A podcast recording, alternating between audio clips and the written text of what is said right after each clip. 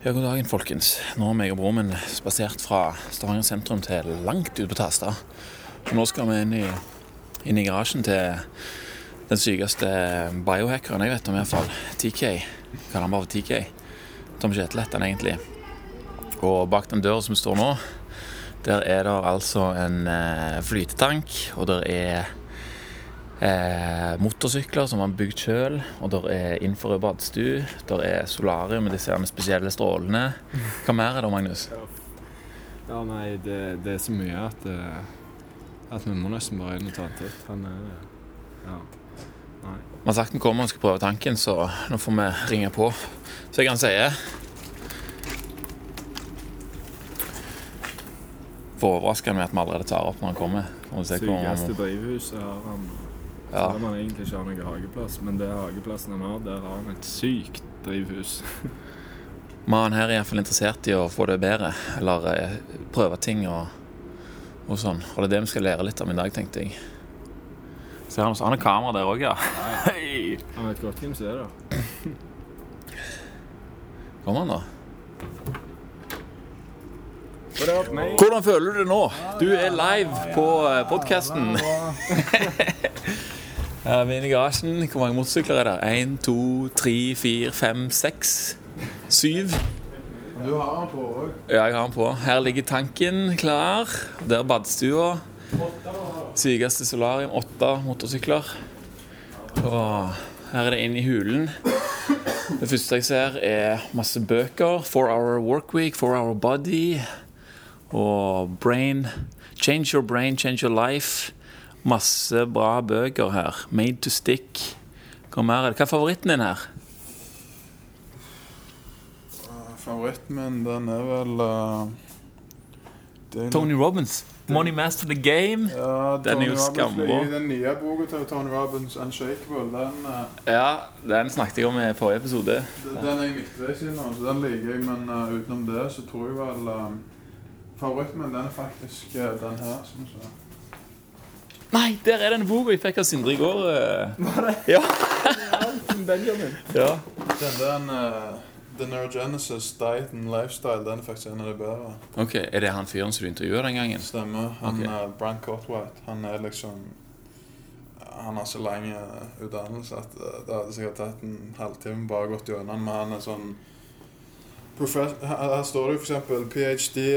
in clinical uh, psychology og professor of psychology at California Institute of Integral Studies. Samtidig har han gjort en haug med forskningsprosjekter av andre, andre former for å oppgradere sånn neurogenesis da, for å liksom på en måte eh, få kraftigere og øke veksten av nye hjerneceller og bare Ah. generelt kicke er skal si, med, med tanke på å oppgradere hjernen din og over tid, etter hvert som du blir eldre og sånn. Nice, nice. Jeg har akkurat fortalt eh, Magnus om, eh, om indeksfond og sånne ting. Og så uh, snakket med en kompis om meg i går, som vi også snakket med det om. Og så vi var nede i byen, og så gikk vi hjem og snakket masse om dette her.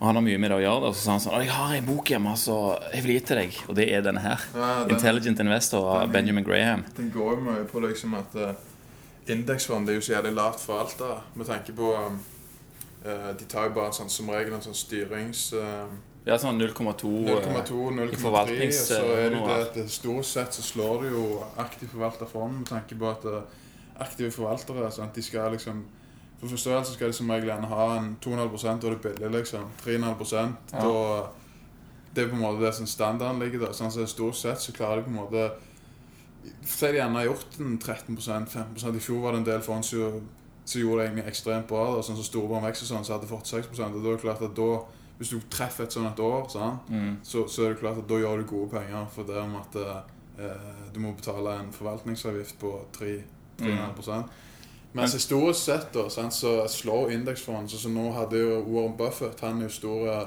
fan av indeksfond. Liksom. Ja. Så han, har- han har inngikk et veddemål tror jeg det var for ti år siden med en, en god aktiv forvalter. da, En som er liksom sånn heavy hitter i statene. da. Ja, ja. Han, han, han, som manager så mange billioner at du sikkert blir svimmel av liksom Jeg tror det er på er- tredje- eller fjerdeplass. ja, summert det opp. Men så uansett, han ligger Nå skal jo den avtalen avslutte. De vedda en million på det Mm. eh, i, i, en, i løpet av en tiårsperiode. da. Så nå ligger, jeg Warren Buffett ligger sist jeg så 4,6% over ham, sånn historisk sett. Og det, det avsluttes vel i løpet av dette året, eller? Jeg beslutte dette året. jeg var inne og jeg snakket om dette her på en episode, så for dere som ikke har hørt han, så gå inn og sjekke ut den. Men der, der sto det at eh, forvaltningsfond, alle de hedgefondene lå på 22 ca. nå, mens eh, indeksfondet lå på 66 Ja. over de ti årene. da. Ja. Så, så det vil si at det, det er praktisk talt umulig for hedgefondet å ta det igjen. Ja. Og at veddemålet er tapt. da. Og Grunnen til at det er så lavt, er jo fordi at det her er jo inni Dette her er jo krisen òg i 2008. Ja, så den gikk jo ned voldsomt mye. Eh, men eh, ja, veldig stilig. Så har, har du det med et indeksfond òg. Det er så bredt spett over et såpass vidt antall aksjer Ja. at du har på en måte diversifisert porteføljen mye mer enn eh, en aktiv forvalter som sitter på en måte og velger ut. Han vil jo alltid ha en tyngde på fem. Som regel har alltid en tyngde på, fem aksjer i en portefølje til en aktiv forvalter. Der han på en måte Ja. han er en gutseløs. sånn, Så plutselig så kommer det gjerne bitte litt sånn insider trading, et eller annet sånn dårlige nyheter, sånn, så, så inngår han en forutser utenom at det er de som faktisk sitter på selskapene, da. Så går det dunken, og så, så må en jo ta igjen for den. Ellers så, så blir det et dårlig år igjen. sant? Så ja, nettopp. trekker du fra forvaltningsavgifter igjen, så sitter du gjerne igjen med tap. Og så, så har du det som er litt løye òg, da. For at, eh, du har jo liksom, I Norge så har du inflasjon på 3% sant? Mm. Så egentlig så tilsvarer det at hvis du har penger i banken stående sant? Hvis at de pengene ikke gjør 3% på løpet av dette året, så taper du mm. det, det de ikke gjør, de 3 sant? Så det er jo Eller hvis du har lån med rente på 2% så tjener du jo faktisk penger. Ja. så, så tjener du faktisk penger på eh, Nå, nå ville jeg meg litt ut hvor jeg vil fram til det, men uansett det er jo det at du- da igjen så taper du til og med med aktiv forvalterfond, og noe som egentlig stort sett har vært at eh, har du penger i aktiv forvalterfond, så skal du tjene penger uansett, men Ja. det gjør du ikke da hvis det er et år. Men mest sannsynlig så gjør du det på indeksfond pga. at eh, det er så diversifisert, og det er til stor grad datastyrt av, av liksom matematikk, analyser, historisk sett og sånne ting. Så det, det bruker jo en aktiv forvalter òg. Men igjen og igjen så, så på en måte tar du mer vekk menneskelige følelser. Da. Det er på en måte det som Ja, det er det som er hovedpoenget. innersving, Ja. hovedpoenget å ta innersving Mm. mange aktive forvaltere. Ja, og så For jeg var Jeg sendte ut eh, Jeg har en sånn dagens eh, sånn nyhetsbrev som vi sender ut. Ja. Og da tok jeg bilder i dag av, eh, av en plakat på et busstopp der det sto Pensjon! Det er faktisk så enkelt. Klikk deg inn på Storbrann og gjør det så så lett. Men så skrev vi at eh, ok, eh, de forvaltningsfondene, hvis de har så mye penger Eller hvis det er så verdt det for de å lage sånne gigantiske markedsføringskampanjer ja. Hvorfor, hvorfor er det så lukrativt for dem? Hvorfor vil de at vi skal spare sånn pensjon? Og det er jo fordi at disse forvaltningsfondene gjør at de tjener enormt med penger til slutt. Ja, Eller til sammen. ja, og Og, og at de gjerne ikke altså Du ser jo ingen markedsføringskampanjer som som går mot indeksfond på samme måten. Nei, nei, så er det, det er jo det å Det går på en måte stille i dørene. Sant? Så er det på en Mm. måte det at det, det tar det over tid. Men en annen ting så er det at du har altså store forvaltningsfond. Sant? Sånn som hvis det var sist jeg, jeg har noen sånne penger så, så morfar min har spart tidligere liksom, i livet, i Skagenfondet. Sant? Så Ja, ja, ja. Nå, nå er det snakk om sånn ny aksjesparekonto som skal komme. Sant? Sånn at du kan slå alt sammen. Alle fond du har hatt tidligere rundt forbi, kan du slå sammen til én, og så kan du realisere gevinst. Altså du kan selge dem uten å måtte skatte for den gevinsten de har Ja, ja. seg. Ja. Og da tenkte jeg når jeg kjørte gjennom sånn sentermann der, så jeg på så jeg midt på torget Skagenfondet har kjøpt hele det bygget der. Så tenkte jeg sånn at de har en feit margin gående nå. liksom, Det er bare å Ja. kutte det daukjøttet der, får du over i noe annet. liksom. For du ser det at det, du tenker det at det, For det om det er aktivt det, så ser du av og til så blir det på en måte sånn Altså Så blir det så store, gode marginer. ser du, liksom, Vi tenker på at du kan kjøpe et bygg, og det er reklame, liksom, store, store banner og alt det der. Så tenker jeg sånn, ja da har du gjerne på en måte gått over en viss grad. Altså, du kan jo selvfølgelig ha gjort det sinnssykt bra òg, men så tenker du at i, bak det inni alt dette greiene, så er det såpass mye penger som blir på en måte fratatt deg som sparer, da. Mm. At uh, det er forbedringspotensial, spør du meg. da, Det er min mening. ja, og det, det forbedringspotensial det, det trenger ikke å være å tilføre noe, men å ta vekk eh, prosenter av den forvaltningshonoraret. da Ja. Som- Sånn at de pengene som de kjøpte det bygget for, det går faktisk til kundene Ja. istedenfor lønningene til de som driver det. Stemmer det. Eh, men altså, det er jo ikke noe stygt mot de De er sikkert snille folk Nei, og, og gode sikkert- folk, og alt sånt det, det men det er liksom bare Det er litt opp til hver en enkelt å oppdage indeksfond, føler jeg. Ja. Og, og nå, nå sa vi jo Money Master the Game, Tony Robins. Ja. Den er jo på hva er det, 670 sider. Og så har du den nye boka Unshakable. Den er jo på en måte en en liten versjon av den Ja. med henvisninger til den store boka, og så med litt grann nye kapitler med han der nye han Peter eh, han, eh, forvalteren eller ja. han, ja. jeg husker ikke han het Petter et eller annet. Og så har du jo sånn grunnleggende, da, sånn som denne her boka som jeg faktisk fikk av en kompis i går. Nå ser jeg den igjen. Uh, The Intelligent Investor, som er da Benjamin Graham, som er mentoren til Warren Buffett. Og denne boka den kom jo første gang i 1949, ja. og, det, og den er ennå uh, Aktuelle, aktuelle. Ikke bare er den aktuelle, men det er jo først i de årene fra 1949 fram til nå at den boka her har bevist seg ja. at å ha, inneha strategier som faktisk fungerer. Det, det er helt sant, det. Men dette var litt sykt. Nå, nå, nå satt vi jo bare i gang her og dingte på, så plutselig så ble det litt ekstra påfyll om eh, indeksfond og dette her. Det er ikke sprøtt, for jeg lagde den episoden dette nettopp.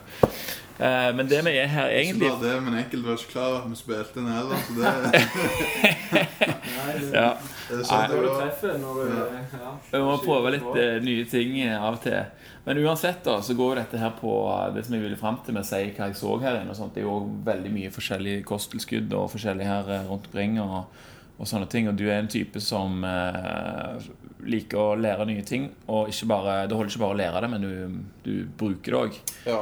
Eh, og jeg har vært så sinnssykt sugen på å prøve den eh, flytetanken din nå Ja. ganske lenge. Og i dag er dagen kommet, så jeg gleder meg i hel. Så kanskje du forklarer litt grann konseptet om hva, hva er flytetanken, liksom? Hva gjør han? Jeg kan eh, forklare litt kjapt nå, så kan vi ta det mer etterpå. Men det som er um, clouet med en sensor deprivation tank eller en float tank, eller det har mange ord, men eh, prinsippet er da at eh, du Tanken i seg sjøl er en tank som er varmt opp til Det er 30 cm vann cirka, fra gulvet til, til toppen. Så det vannet er varmt opp til rundt 35,5-36 grader. Lufta inni tanken er samme temperaturen. Eh, tanken er isolerte, og i den blandingen da, i det vannet, så er det ca. 400 kg med Epsom-salter, eller det de på vitenskapelig blir kalt for magnesiumsulfater. For det, eh, det, det er en form for salt, liksom, men eh, det er ikke salt heller pga. det magnesium. Men uansett, og prinsippet er at eh, når du legger deg i den blandingen, da, så flyter du. For det, det har akkurat samme effekten som Dødehavet. Da, da, da, altså Saltmetningen i vannet er så høy at du, du, du kan ikke unngå å, å ikke flyte. da, og så Mm. Meningen med dette her er jo å deprivere hjernen fra alle sanser. da. Mm. Uh, og utgangspunktet når de lagde denne tanken, så trodde de jo det at eh, når vi depriverer hjernen fra alle sanser, sånn at jeg ikke kan høre, jeg kan ikke se Ja, forresten, jeg hoppet jo over det. at det er jo Bekmørkt i tanken, så er den jo òg isolert. eh, Sånn at du, Du hører du, ikke du noe mister alle sanser. sant? Du hører ikke noe, du føler ikke noe, du ser ingenting. Kroppen blir altså, det, det på en måte blir litt som å flyte i verdensrommet, egentlig. altså For å være litt woo-woo. Ja, jeg pleier å si at det blir sånn Jeg har jo ikke prøvd det, da, men bare måten du beskriver det på, som får meg egentlig lyst til å prøve det, liksom at det, til slutt så er det bare din egen hjerne som flyger Ja. gjennom universet, liksom. men at, det- eh, men at liksom når, når alle sansene blir tatt vekk, så vet ikke hjernen helt hva han skal gjøre. Så man kanskje begynner å hallusinere, eller Ja. han begynner å gjøre ting som for å kompensere, liksom. Han overkompenserer liksom for, å- for tap av uh, stimuli, liksom. sant? Så det de trodde når de lagde han, det var at ok, hvis vi tar vekk alle sanser og inputs, alt det der hjernen får, så stopper han bare opp. sant? Men det er jo egentlig ikke det han gjorde i det hele tatt. De fant ut at han, han girte bare opp alt. Alt ble bare oppgirt på et helt annet nivå. sant? Du, du en, endra bølgelengder, altså hjernebølgelengder. sant? De ble endra til det du ser for eksempel med dyp meditasjon Hvis du går tilbake igjen til Det er en forskning med sånn eh, eh, I løpet av Shaolin-munker eller sånn, Du trenger ikke å assistere meg på akkurat hva de er, men uansett noen som har meditert i løpet av hele livet. da Og de på en måte etter hvert så går de inn i en på en måte sånn lignende transe der du kan plukke opp forskjellig altså Endre hjernebølgesett og alt det der. Og det fant jeg ut at med den flow-tanken da, så kan du på en måte gå til det stadiet bare egentlig i løpet av hvert av 20 minutter, når du på en måte føler deg komfortabel, så er det på en måte i, i det fordelaktige, dype eh, Hva skal du kalle det? Eh, en form for univers da, med, med din egen hjerne. Altså med tanke på eh, Hvis du skulle meditert deg til et lignende nivå, da, sant? eller det er jo det på en måte folk prøver å oppnå med Mhm. meditasjon, men dette på en måte blir på en måte en liten sånn snarvei, hvis du vil kalle det det, på av Ja. at eh, du tar vekk alt sånt. Sant? Hvis du skal gjerne sitte og meditere, så kjenner du at jeg har litt vondt i ryggen. Sant? Så, så begynner du å speise ut på enkelte ting som på en måte forstyrrer deg. Her, her har du ikke det. Sant? I tillegg så bare Det første du gjerne kommer til å kjenne når du legger deg inn i det, det er det at eh, de får oh, jeg vet ikke hva jeg vil si. Jeg vet ikke hva jeg vil høre men akkurat dette, er- for det, det, Ok. dette er viktig, viktig å nevne for alle som har, tenker på prøver og gjerne vil prøve etter dette. Og det, det er viktig å huske på det at det, på daglig sett så av tyngdekraften og alt så er ryggraden en rimelig altså komprimert. Sant? Ja. Han får trykk sånn. Det første som skjer her, det er at han blir dekomprimert på et sånn et nivå at skjelettet ditt retter seg ut pga. tyngdekraften og eh, den vektløsheten med at du flyter. Sånn at Av og til kan noen kjenne et bitte, bitte lite trykk i nakken og tenke "Pff, ah, hva, hva er det for noe? Men det er rett og slett egentlig bare blodtilførselen for også det magnesiumsulfat gjør. det at det, det har en sånn det de kaller for vasodilating effekt. liksom At det utvider på en måte blodåren. da Blodtilførselen blir, Ja. blir økt. Så utenom det så tror jeg ikke jeg skal øve så mye mer. Så tenker jeg mer jeg kan ta en liten eh, runde på det etterpå. Ok, ja, jeg gleder meg iallfall i hæl til at eh, hjernen min skal få seg en liten flygetur her. Eh, jeg jeg, jeg eh, snakket med Paul Brown, han uh, mannen til mor mi, i dag. Og så sa jeg det, i dag skal jeg bort og prøve en sånn flytetank. Han er britisk, han der. sånn Oh, the Russians invented that a long time ago. They used to, to uh, They used it to uh, torture people. They put them in a tank there and leave them in for days. They'd lose their mind. så jeg vet ikke om det stemmer, da. Men, uh, men så sa han også at det, Men så fant de ut at dette kan vi faktisk bruke. Liksom. For det er sånn som du sa at De trodde noe skulle skje, men så var det noe annet som skjedde. Og at uh, dette kan jo faktisk brukes. Jeg vet ikke om, det, om du har hørt noe lignende? Ja, det stemmer. tidligere sånn så Egentlig så var det jo eh, John C. Lilly han var jo på en måte en av de som pionerte dette. da Du kan jo egentlig si at han, han fant det opp, men Hva heter John? John, John C. Lilly heter han. John C. Lilly. Ja, han, han, han var jo kjent for Han fant opp en vertikalt Altså, vertika, altså en stående tank. sant? Mm. Du hoppet oppi, så hadde du på deg sånn der en dykkerdrakt og alt. Men han var jo også kjent for Han var forsker, vi respekterte forskere og alt, men han, han skjøt seg jo fot i ketamin liksom, og snakket med delfiner i tanken på sida og litt sånne ting. Så han, han speiste virkelig ut på dette. Men han òg Når folk hører Ja, det, så Space Dude, Space Dude, for alt vi vet, ja, for alt vet, så, altså, han mente jo at han, han hadde detaljerte Det det er ingen som har funnet det igjen, men det er på en måte egentlig litt interessant, for han, han hadde detaljerte beskrivelser på hva han mente på en måte at det, at det, at det var at du gikk an å For de var på en måte connecta på en, en form av at vannet var connecta, eller et eller annet Med delfinene. Med delfinene, ja. Så han, han mente på en måte at det, det, det gikk an å kommunisere der, så at du depriverte deg av såpass mye sanser og forståelser av det du definerer så det, det som følger med deg og din virkelighet, liksom. At han på en måte kunne kommunisere med dem. At hjernene liksom snakket med Ja, hverandre. Liksom, ja, han kunne rett og slett kombinere på et, på et, på et, gjerne på et primitivt nivå, da, men allikevel at, han, at de forsto hverandre. på en måte Så han, han, han er liksom pioner, men, men med det med Russland Jeg tviler ikke på det. For det, sånn så mange ting sant, som blir pionert for første gang spilt i USA. og alt der så vet vi jo at russerne de er jo på en måte Altså de er jo noen eh, kløkta når det gjelder å finne opp nye ting. Sånn, Ja, driver mye med det samme, som regel. Mesteparten av det som er interessant, det kommer jo, kom jo opprinnelig fra Russland. Da. De har jo mye interessant forskning med det ene og det andre. Så det var jo de som var først ute så å si med stamceller og det You name it, liksom. Det, de, de er pionerer i, i mange marked. Men så ja, akkurat det med torturdelen, det har jeg ikke hørt noe om. Men jeg tenker meg, det er jo rimelig eh, Du må bli De har sikkert prøvd på det òg, liksom. prøvd det, for jeg tenker, tenker meg hvis du lar det gå en dag og to og tre, sånn, så kan du sikkert bli rimelig galen etter hvert hvis du ikke- du kjenner noe. liksom. Ah, ja. Begynner å lure om gjerne eksisterer, eller om du Ja, Ja. ja, er jeg dør liksom? Er dette et liv, eller det kan ja det, det kan tenkes at det er den, det er den reaksjonen du får. For det med at det, er jo nå skal nevne, så det er mange som sover i tankene. Så jeg har hørt om på dress forum og sånne De sover i Ja, ja, de hele natta. De legger seg ut, og så sover du, da. Hva, hva, for å For å oppnå en eh, sikkert så sinnssykt dyp søvn som er folk flest ikke kan oppnå, så kan jeg egentlig Eller forestille så kan jeg egentlig tenke meg på grunn av at eh, egentlig de, de som gjør det, da altså det, jeg Har du ikke- gjort det? Nei, jeg har aldri gjort det. Men uh, jeg uh, Du har aldri sovna Jeg har- Nei, det, jeg har aldri sovna heller når jeg lager Men broren han, han, han bursov jo, han. Og jeg, jeg, for dette, han prøvde han her en annen dag, så tenkte jeg sånn eh, Han sier det at ja, bare, bare vekk meg om en time, liksom. Så, så la jeg det gå en time, en time og ti minutter. Sånn. Så går jeg og skrur på lyset, så sier jeg ja, nå, nå må dere komme ut, liksom. Så bare sånn faen. For han responderer jo ikke, liksom. Tenker, jeg hører gjerne ikke. Sånn. Så gikk jeg og dunkte litt på. Så han dunkte på låget. Bare for ikke på en måte litt tålig, for ikke skremme han i tilfelle han var liksom dypt inni det der. Og så nei, ikke- ingenting, liksom. Så lukter jeg opp døra, så hørte jeg bare sånn Og jeg holdt jo på å knekke meg flat av latter. vet du. Så, så måtte jeg liksom prikke den litt i armen òg, for du kan ikke bare på en måte rykke i folk heller. Sant? For når du er dypt inni det, sånn, så kan du på en måte stykke litt. Sant? Og jeg, så du hører, du skal ikke, Folk som går i søvne, så du skal ikke riste dem, liksom. Ja. Så etter mye om Amanda vil jeg kløpe han litt i armen, og litt sånne ting, så kommer, kommer han til og sier han sånn Ja, nei, jeg Sov jeg, liksom? Nei, nei, jeg, jeg kan ikke sove heller. Jeg følte liksom jeg var Jeg var Jeg, var, jeg, jeg skjønte alt, liksom. Men det var helt sykt, for du, du føler at du er våken, men jeg har tydeligvis sovet. Det, jeg vet ikke. Ja, men er det sånn at det, liksom Blir det så nærme drømmetilstand liksom, at du Ja, nesten altså- ikke klarer å kjenne forskjell? Ja, det, det, det, er mulig, liksom, at det, Men det er jo litt sånn av og til når du dupper av, så er det sånn Åh, sover liksom. Ja, men så Ja, men, men så er dette her på en helt annen det, ja, det var en følelse jeg aldri har følt før, liksom. Når jeg våkna. Det var bare sånn um, Jeg våkna ikke, for jeg var allerede våken. Husker du at du var i tanken og sånt? Ja, jeg husker alt, men jeg kan ikke huske at når han forklarer etterpå da, at han lukta opp og prikket meg i armen og sånt. De der tingene var jo helt gone. Men når jeg tydeligvis da våkna, så følte jeg at jeg bare hadde vært våken hele veien.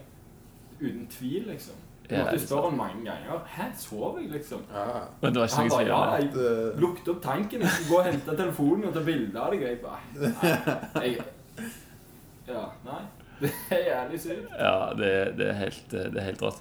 Uh, nei, jeg lurer på om vi bare skal hive meg oppi, jeg. Og så, kan vi ta og snakke litt mer om det etterpå. jeg tror de skal gjøre det. Jeg gleder meg i hel. Ønsker meg lykke til på reisen, alle sammen.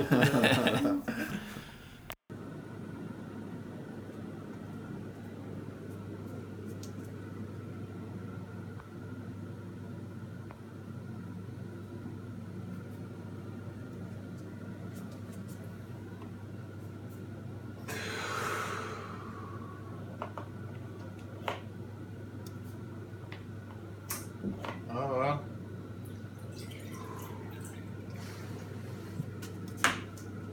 Åh, Hvordan var det? ja, det, åh, jeg må Jeg er litt sprøtt å komme tilbake, iallfall. Åh, sinnssykt deilig. Det var det. Sinnssykt deilig. Men eh, det tok litt tid før jeg eh, Før jeg havnet inni det, liksom. For Ja. altså, jeg hadde så mange Eller jeg hadde så mange forventninger og så mange spørsmål Ja, ja.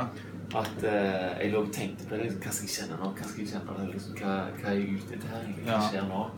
Og så liksom lå jeg sånn og kjente og, og sånt. Men så tenkte jeg ok, jeg må bare jeg bare prøve å roe meg ned. Ja. Så bare prøve prøv å telle pusten. ja. Sånn, så ble jeg roligere og roligere. og roligere. Og så det neste jeg visste, da, det var at jeg liksom det rykte litt i armen. Ja. Sant? Og da kjente jeg at jeg beveget meg i vannet. Så liksom Ja. Å, å, nå er jeg på å sovne, liksom. For for det, det, det, det tror jeg egentlig kort oppsummert det er bare hjernen som prøver liksom å sende litt signaler at hei, du du, du er her ennå. Du er i kroppen, liksom. Ja, du er i kroppen. Men så, så lå vi bare lenge og, og var inne i det, liksom. Helt til, helt til det skjedde litt sånn kraftig en gang. Eh, men, så, men så plutselig begynte jeg å kjenne at jeg fikk sånn stikkende smerte i, eh, i irriterende. en. Ja. Sånn liksom skikkelig sånn ah, dette, Det var vondt, liksom. Ja, ja. Så, så da, da prøvde jeg liksom så prøvde å reise meg opp litt så tok på tårnet liksom, bare Ja. for å se, men det var jo ingenting. Nei. Sånn, Så la jeg meg bare ned og prøvde å forholde meg så rolig som mulig. da. Eh, og så eh, bare Ja, så fortsatte jeg i det samme, liksom. Og bare ligge der. Og så var det litt ja, Det er litt sprøtt, for du aner jo ikke hvor lenge hvor lang tid det har gått. Og Så begynte jeg å bli litt nervøs for at dere skulle komme og vekke meg, liksom, på en måte. Ja, ja. Eh, men jeg klarte å slappe av, men så fant jeg ut at det, helvete, nå må jeg bare kjøre William Hoff-style her. Ja. Og, og kjøre noe pusting. Ja, Så det var jeg akkurat ferdig med nå. Ja. det var sprøtt, det. ja det Da fikk du virkelig en følelse av uh, av, av til uh, når, når du puster sånn Wim Hof, så har jeg tenkt sånn Hvordan er det egentlig best å sitte? liksom? Er det best å sitte eh, Eller er det best å ligge? Eller sånne Ja. ting. Fordi det, det blir liksom Det er forskjellig grad av hvor anstrengende det er for, for deg å faktisk puste. Sant? Fordi at du, Ja, du må jobbe mot den der vekta. Mens Ja. å gjøre det nede her, så føltes det veldig lite anstrengende Ja, du bare og, og puste inn og ut på den måten. Og jeg følte at sånn som han sier sånn Breathe in And let it go. Har aldri klart det så bra som det. Nei, for det, du, det som du sier, du får jo på en måte gjerne sånn vekter som jobber imot deg, liksom. Ja.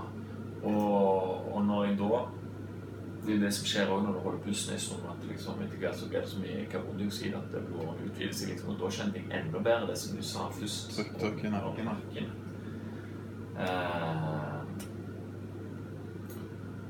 eh, og så nå, da når jeg tok inn pusten igjen, så liksom Ja. Så føk hjernen min gjennom universet. sånn som den skal, liksom. ja. Så det var jævlig sprøtt. Så akkurat da så, så jeg at dere lagde sånn glipe. Og så akkurat når jeg kom tilbake liksom, fra det runde nummer to, da bare Men eh, fy søren, så sinnssykt deilig det egentlig var. altså. Ja. Skikkelig deilig. Veldig kjekt å ha prøvd. Det, det, det er en opplevelse, men det er òg Det er sånn som du sier, I begynnelsen så er det sånn du tenker du mye på når kommer de, sant? Hvordan skal jeg oppføre meg, hvordan skal jeg forholde meg til alt dette greiene. Ja. Men det er noe som du lærer etter hvert. liksom, sant? Når du har flåta gjerne ti ganger, da, Ja, så, så, så blir det på en måte mer en naturlig opplevelse. Det blir, det blir på en måte akkurat litt så- som, som å sykle liksom, med støttehjul. på en måte, sant? Du vet på en måte ikke helt hva det går i. Når du tar dem av òg, så blir det litt sånn. Du vingler litt, alt det der, men så får du på en måte teken i For, for floating i seg sjøl er jo på en måte en egen, en egen form for Du kan ikke kalle det trening, men det er en, det er en egen art. da på en måte, sånn, så du må, du må på en måte bare lære deg å kjenne flow-tanken, liksom, og, og hvordan du Ja, ja for uh, Å, nå glemte jeg hva jeg skulle si. Uh, ja, for de spørsmålene de forsvinner jo etter hvert som du får svar. Ja, ja.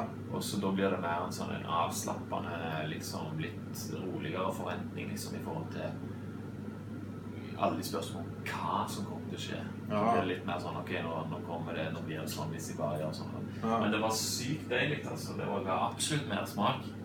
Og så er det sånn litt sånn fødselsfølelse da når dere åpner opp, så kommer det sånn kald luft. Så, så nå var det jævlig deilig. Jeg kjenner hvor varmen kommer fra når jeg kommer på under her. Altså. Det kom på under, ja. Skikkelig digg. Ja, se her er saltet, ja. Ja, Når begynner det å tørke, så er helt Nei, jeg får komme ut da. Jeg bare lukk meg inn igjen. Close the gates. Åh, tusen takk for uh, den opplevelsen. Det var bare så mye. Skikkelig deilig. Skal finne noen tøfler til deg. Altså. All good. Veldig bra, altså. Veldig kjekt. Prøver det igjen. Ja, må det. Du er fast invitar her eh, når jeg er i byen,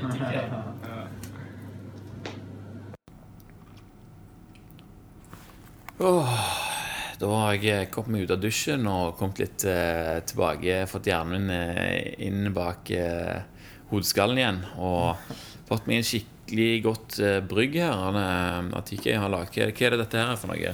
Det, det er junte, heter det. Det er ikke så ulikt. Det, det mange kan gjerne ha kjennskap til, det er jo kombucha. Ja. Det er jo Junte er ganske lignende kombucha, bare det er på en måte en annen det de kaller for strain, det er en annen type. Og det vil si at eh, tradisjonell kombucha bruker du som regel på en blanding av svart te og sukker, helst uraffinert eh, økologisk sånn rørsukker.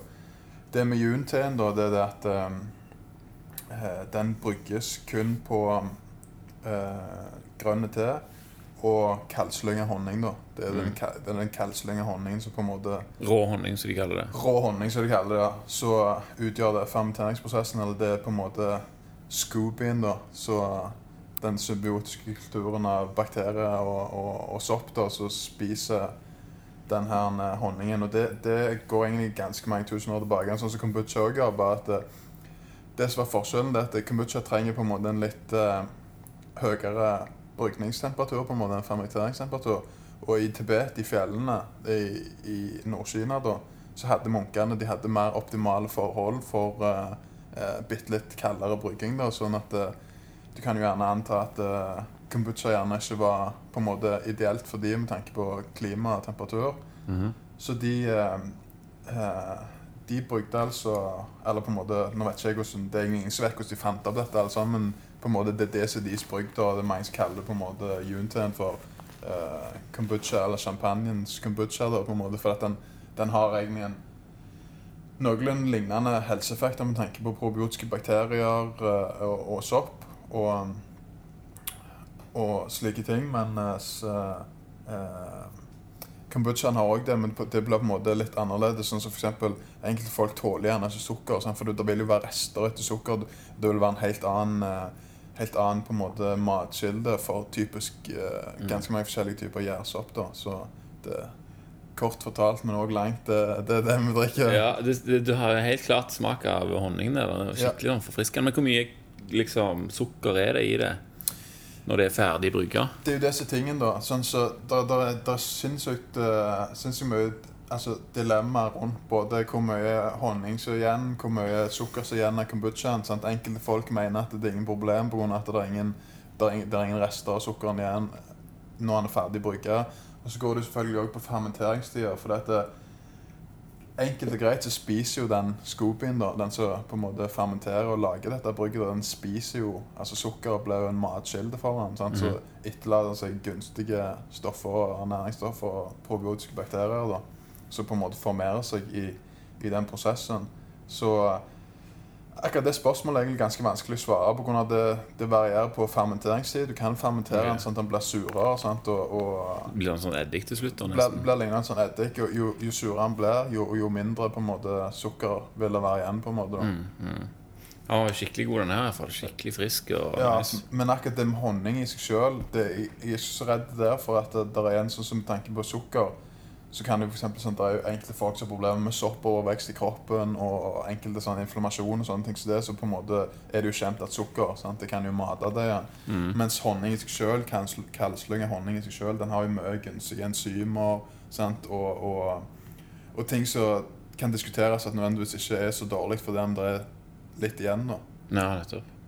Ja, Det blir spennende å teste ut. det, altså. Og dette her var Fortell må hvor du har fått skogen fra. Det, det, den, akkurat den skogen der, den kommer fra Den er importert fra Nord-Kina, Tibet sjøl, liksom. Den ble henta tilbake igjen i, i, eh, i slutten av forrige år, så den har jeg fått sendt eh, med faktisk med ekspress både fra, altså, til, fra det Nord-Kina til USA. Fra USA via England og så hjem her igjen. Så den, har egentlig, den er bereist, men òg pga. at jeg liker å um, Sånn som når jeg går inn i enhver ting, samme hva jeg gjør for noe, så liker jeg å direkte til kilden, liksom, på en måte, og, og få det fra, altså, fra direkte Altså, dette er så nærmere Du kommer på en måte så nærmere munkenes opprinnelse enn en okay, dette er. Da. Så det, jeg, jeg liker på en måte For det, det er jo noe med dette med bakterier og sånne ting òg. Etter hvert så det, så det skifter klima, og folk gjerne mater det annerledes, lar det stå annerledes osv., så, videre, så kan det på en måte gjerne utvikle seg andre ting liksom, så på en måte Mm. enkelte ting tar over. da, for det, at det, sånn så, det, det er jo kjent liksom at det, rundt forbi lufta så flyger det jo soppsporer og litt sånne ting. Så det er sant. Så, Ja.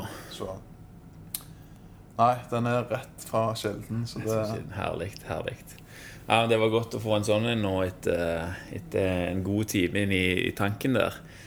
Eh, det var Nå filma jo eh, Når dere åpna luka Jeg tror jeg bare kommer til å legge det inn i denne episoden. Bare sånn at eh, jeg får det rett direkte fra kilden der òg. Ja. Uten at jeg fikk tenke meg om det var det første jeg sa. Men det var et, andre, et par andre ting òg jeg tenkte på. Eh, sånn så, for det første, jeg har jeg gått jævlig mye i dag.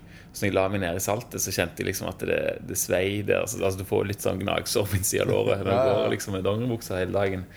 Eh, så, men det gikk vekk ganske kjapt. Og så, eh, og så ligger du liksom og så dupper litt fram og tilbake der, så blir det litt grann sånn bølger.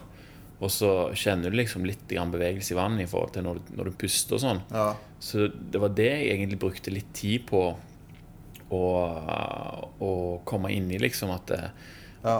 For du trekker deg Du blir på en måte trukket litt opp og litt ned på en Ja. måte når du, når du puster, da. For dette det på en måte endrer jo eh, endrer jo eh, oppdriften oppdriften, ja. eh, Men, men det, det forsvant etter hvert, liksom. For i begynnelsen så tenkte jeg så sinnssykt mye. ja. Og jeg merket at det var liksom det var, det var det første jeg måtte roe meg ned på. Og så begynte jeg da også og så gjøre sånn som på, sånn så på Headspace, for eksempel. Så er det sånn, Ja. ok, tell pustet dine. Ti pust, liksom. ja. Og så begynner du på nytt igjen. Ti pust og ti pust. Og så, da merker jeg at det ble roligere og roligere, og det var mindre og mindre jeg kjente til det, liksom.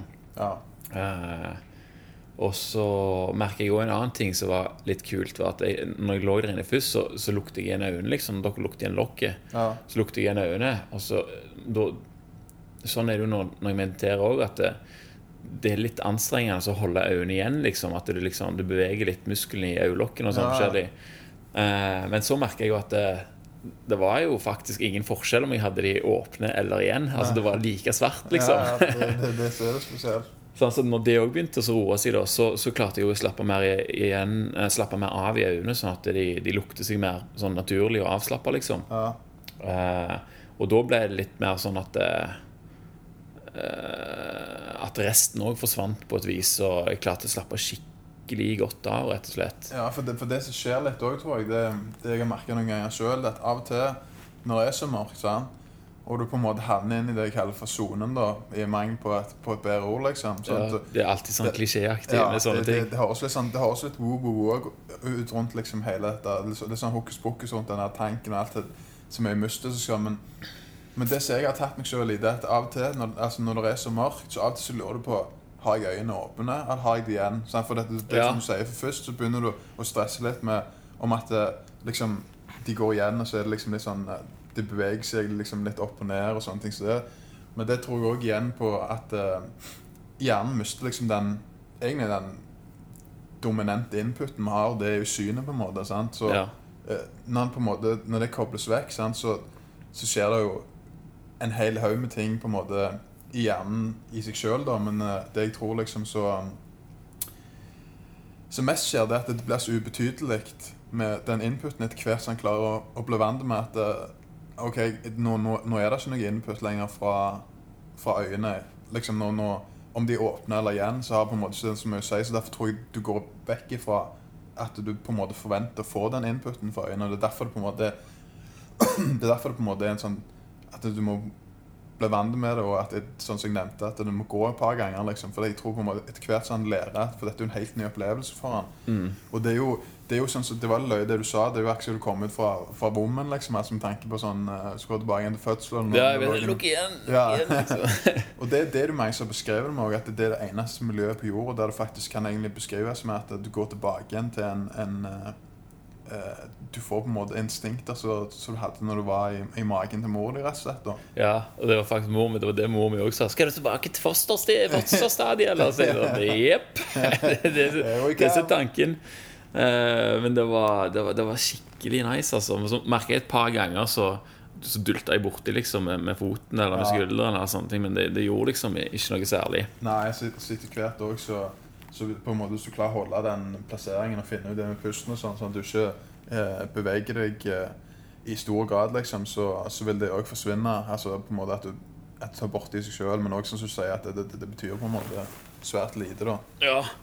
Men, eh, men sånn som så, sånn som det du sa, det der med, med at det er, at det er magnesiumsulfat uh, Klaus. Oi, oi, oi. Eh, magnesiumsulfat, var det det? Ja, det er magnesiumsulfat, ja. Eh, Kan dette, er dette det lignende dette her eh, sånn eh, magnesiumolje som du kan spraye på huden? Liksom, har det noen effekt på den måten òg? At du tar til deg magnesium, eller Ja, er det Det har, det har noen effekt på den, på, på den måten at du, du vil ta til deg en viss mengde magnesium, en, en viss mengde eh, som det kan diskuteres at du, at du trenger, da, sant? men nødvendigvis ikke fullt nok opptak til at du får uh, fordel på cellulært, nivå, liksom, med tanke på Mm. hvis du skulle hatt en magnesiummangel eller sånne ting. Men du får den effekten, lokale effekten i huden, på en måte, at du får den som jeg snakket om, den vasodilation, på en måte, at du, du vil utvide blodårene. Og, og ja, kort fortalt så vil du få i deg litt magnesium, ja. Mm, Uten tvil.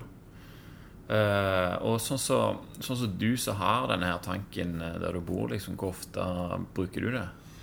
Det, det vil variere bitte litt, grann, egentlig, men eh, jeg, jeg prøver jo å Optimalt sett så burde jeg selvfølgelig brukt den hver dag, sant? men det er jo altså da, Det skjer jo andre ting. Jeg har jo en del ting jeg holder på med, og sånne ting, men det er alltid fra en tre-fire ganger i uka fast. Ja. Og så på ei god uke gjerne fem-seks ganger i uka. Ja, nettopp.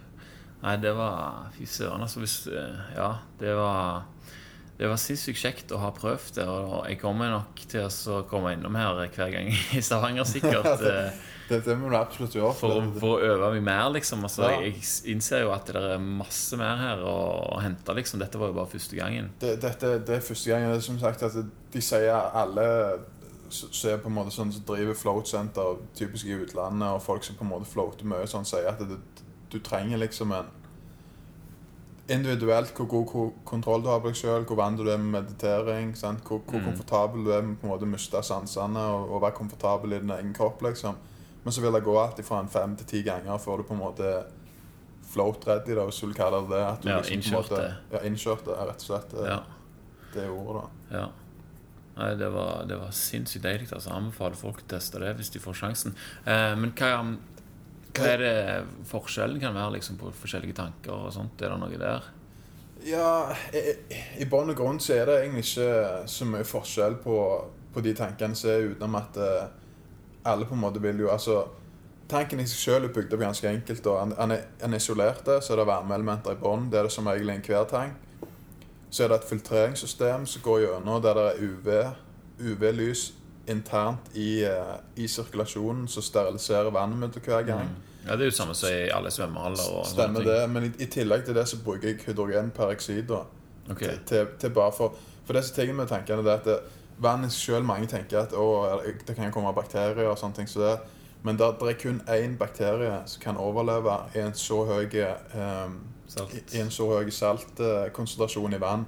Og det er en bakterie eh, Jeg kan ikke navnet på bakterien, men det er det de kaller for en dieselbakterie. og Den kan overleve i dieseltanker òg, liksom. Så Mm. det er på en måte ikke egentlig noe å være redd for i den forstand, i og med at eh, tanken i seg sjøl, vannet sirkulerer gjennom, så blir det oppvarma, så har det på en måte en temperatursensor, så går det gjennom den UV-en, som sagt. Den steriliserer UV, er jo kjent. altså Det er jo eh, det altså De bruker jo det til å sterilisere et profesjonelt sånn medisinsk utstyr og, og, og diverse. Så for å komme tilbake igjen til forskjellen på tankene, så er det på en måte produsentene produserer det jo ut ifra det de mener på en måte Det de, deres mening er av en bra tank. da, Men sånn generelt sett så ser egentlig alle tankene og produsentene like ut. da, eh, Mm. Med tanke på Det går bare ut på at tanken er isolert, og at um, han er alltid bygd av glassfiber som regel. Det er, vel noen helt langt, langt tilbake igjen så, så brukte metall, da, altså med tanke på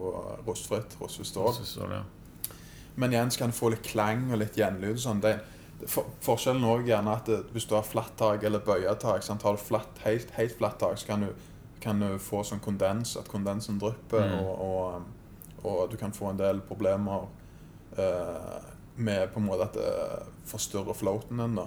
Ja, Sånn sant, at det drypper vann at på det drypper kroppen, og så liksom blir du oppmerksom på det. Ja, sånn så blir du oppmerksom på det, for det er jo på en måte liksom uunngåelig. Mm. når du har flatt tak, da. Ja. Men sånn utenom det igjen, så, så er det ikke så mye forskjell på, på tankene utenom prislappen. da. Er sier, det er jo, det, som regel er alle dyre, da. Sant? Så for min del så begynte det med at jeg lagde jo en, eh, en, eh, en float tank sjøl, så jeg, eh, så jeg seinere solgte videre. Mm. Før jeg på en måte kjøpte den jeg har nå. Men uh, Hva, hva var liksom motivasjonen, eller hvor uh, Nei, Var det bare det at du hørte om det? og- Motivasjonen var, gikk tilbake prøvd til rett og slett? Joe Rogan. da, sant? Ja. det var, Jeg hørte om Joe Rogan hadde snakket om dette, så begynte jeg å sette meg inn og så tenkte jeg, hva er egentlig, hva er egentlig en floating? liksom? Det var noe med den der med den der å være vektløs, og at det er det eneste uh, det er det eneste miljøet på en måte, eller skapte miljøet på jorda som kan oppnå den effekten. liksom. Mm. Med at du ligger der, og så, så var det dette her med at liksom, du får, du får dekomprimert eh, dekomprimert ryggraden. Alt strekker seg ut. på en måte, Alt på en måte prøver å havne tilbake igjen til sånn det originalt er, da, med tanke på skjelettbygninger. sånt, Altså, Musklene slipper fra der de gjerne holder. Du blir på en måte trykt litt tilbake igjen. Og for å komme tilbake igjen til det du nevnte på den videoen når du kom ut, du kjente at du hadde litt vondt i tåa. Og av og til så kjenner folk litt sånne ting på grunn av at det kan tenkes en, eller annen gang så har du gjerne skada den tåa, eller så har du på en måte en liten gjerne lavgradig inflammasjon gående. Et eller annet som gjør at når du fikk blodomløpet og blodsirkulasjonen begynte å pumpe rundt i deg, så kan det gjerne være eksempel at du, du fikk aktivert noen hvite, blod, altså blodceller som gikk ned der og prøvde gjerne å reparere en eller annen ting. eller et eller Ja, annet. at det ble på en måte kapasitet, eller? Det ble rett og slett kapasitet, og at eh, Si du gjerne har en muskelblokkasje eller et eller annet som så slapp det av, eller at du på en måte fikk såpass utvida blodår at du fikk pumpet blod forbi det. da, For, å oversympatisere Ja, ja, ja. Altså, dette her er jo bare Det er jo bare det som vi tror, liksom. Ja, Altså. Dette er jo ren spekulasjon, liksom, men, Ja. men det er ikke uhørt i, i float-verdenen at du, du får vondt enkelte plasser. liksom. Mm. Og så, Der skjedde med meg sjøl òg at eh, jeg har jo altså altså Grunnen til at jeg kom inn på det i utgangspunktet, var jo fordi at jeg, jeg, jeg ble jo kronisk syk for en del år siden. Så jeg har jo på en måte det de kaller for så fint kaller for fibromyalgi. da. Det går ut på at jeg har store sånn, smerter i, i store deler av kroppen. Da. Og jeg kjenner spesielt godt når jeg ligger der at det, det pumper på alle de plassene der jeg på en måte har, eh, Mm. har eh, vondt. eh, og, og, og det, det, det igjen, liksom, det, det andre òg fortalt. Sant? Har de, en, har de brukket foten en gang, sant? så plutselig, så, fordi man har vært tilsynelatende bra over lengre periode, sant? så kjenner de gjerne akkurat der så begynner du liksom å pumpe og jobbe litt, grann, få på en måte litt ubehag.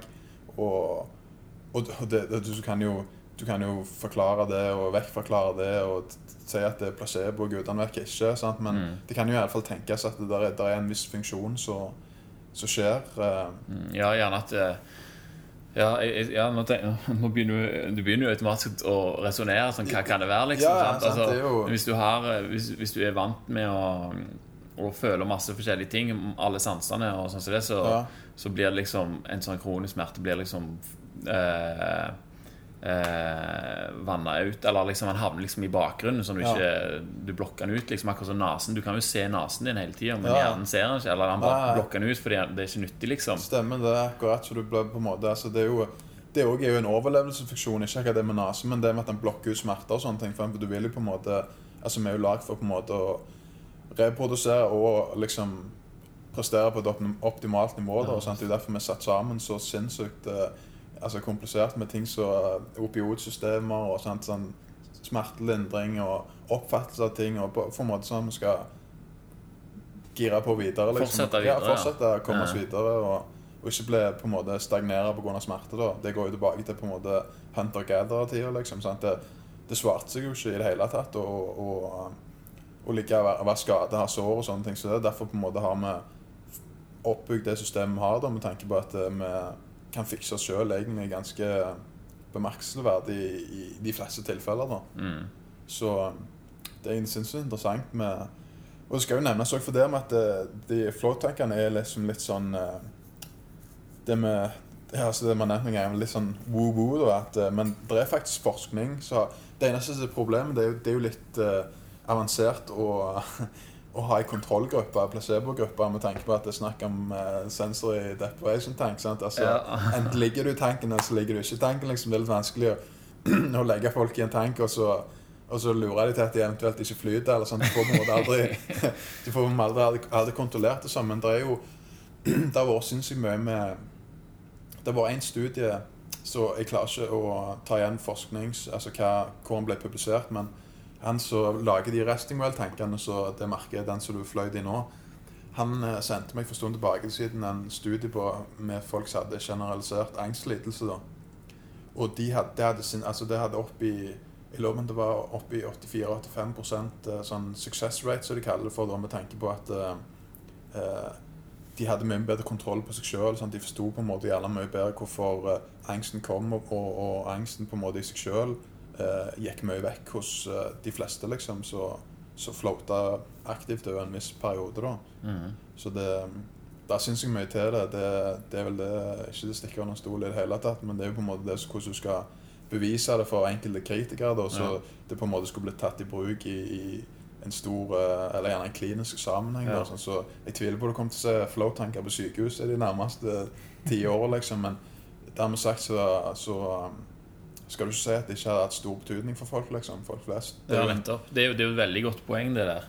For folk som vil vente liksom, til at dette her altså, Folk som ikke ser vitsen i å prøve noe før alt er bevist. liksom Ja. altså, Da, da står du i fare for å gå glipp av en god del forskjellige ting. liksom En, en, en sinnssykt god del, pluss at det er jo uh, uh, Jeg tenker, hva er, hva er bakdelen liksom med det? Det, det er liksom det, det er ingen konsekvenser. Sant? Det er ingen eh, f- Det er ingen bivirkninger under at du gjerne bare ikke syns at det var noe for deg. på en måte, sant? Det er ingen langvarige bivirkninger av noe som helst slag. Sant? Så med tanke på eh, mentale lidelser, så gjerne sånn angst og sånne ting, så, det, så tenker jeg eh, det er ingen bakside, men òg er det mye sånn eh, det, er mye sånn det de kaller for antidotal reports. Da, altså sånn Folk som har prøvd det og liksom samla informasjon rundt dette. Så er det liksom folk med, som har gått på sånn narkotiske midler for smertestillende og sånne ting øh, med store kroniske smerter over lengre tid, har på en måte begynt å floate aktivt og kunnet kutte dette ut helt totalt. liksom, grunn av at de har fått så stor smertelindring. Så har du du har leddgikt du har, altså det, det har en så stor, stort behandlingspotensial at det er egentlig ganske fascinerende bare i seg sjøl. Jeg kjenner når, når vi snakker om det sånn òg nå sant? altså, Du kunne jo Du kunne snakke om det en hel dag, liksom, og det sånn du Enkelte ting vil vi glemme, men sånn kort oppsummert så, så er det absolutt en, en, en behandling som er verdt å, å både se mer på og prøve, spesielt hvis du hvis du, du trenger ikke ha noen problemer heller. generelt, bare personlig utforskelse, liksom. Og, altså, det med meditasjonen i, i seg sjøl, liksom. Bare å få, få kontroll på seg sjøl og, og, og gjerne gå dypere i seg sjøl og oppleve gjerne ting som plager deg, som du ikke visste plagte deg. og Sånne ting som det. rett. Ja, ja, det er jo der jeg sjøl havner i den kategorien. At det, dette var liksom så, hørtes så spennende ut at det, jeg vil jo bare ha den opplevelsen, liksom. Så Ja. jeg, jeg har hørt eh, alle disse snakke om liksom, at det er så, sånn og sånn, liksom, og, eller det kan være sånn og sånn, og det, det, er nok motivasjon i seg sjøl, liksom. Bare det å så ha gjort det nå eh, er, er For min del så, så gir det meg mer motivasjon til å gjøre det igjen, liksom. Ja, ja, og det er jo ikke akkurat en sånn ja, dårlig bivirkning, det. Nei, nei, det, det Jeg tror ikke det er den verste tingen å være avhengig av hvis, hvis du skulle gå så langt, liksom. Nei, det jeg tror ikke, absolutt ikke. Eh, men ja, ja det som du sa hvordan, hvordan var det du kom i gang med den første tanken? Hva gjorde du da, liksom? Ok, nå har jeg hørt om en flyting, liksom, og Nå- jeg har eh, en sykdom som dette kanskje kan hjelpe mot, liksom. Og så hvor gikk du derfra?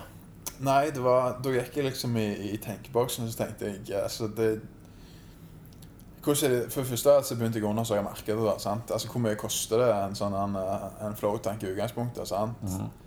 Så kom jeg over det første hinderet. At kosten sant, det er jo én ting. sant? Altså, det koster som regel gjerne 200 000, 250 000. sant? Ja. Og, og, og det i seg sjøl er jo altså Ikke bare den stive pris, men det er jo i og for seg greit nok. Men så kommer jo dette med at det er jo på en måte ingen i Norge så, Det er ingen i Norge som produserer dette, og som regel så måtte du til USA og, og Sondeland tidligere. Sant? Så da, da er du fort oppe i altså gjerne 50% av kjøpsprisen bare for å få det frakta hjem. Sant? For det veier jo en del, og det tar jo en god del plass. Altså, du, du kan jo fylle på en måte en, en eh, liten container med en sånn en eh, flow-tank liksom, og for å få en skipper. Så tenkte jeg ja,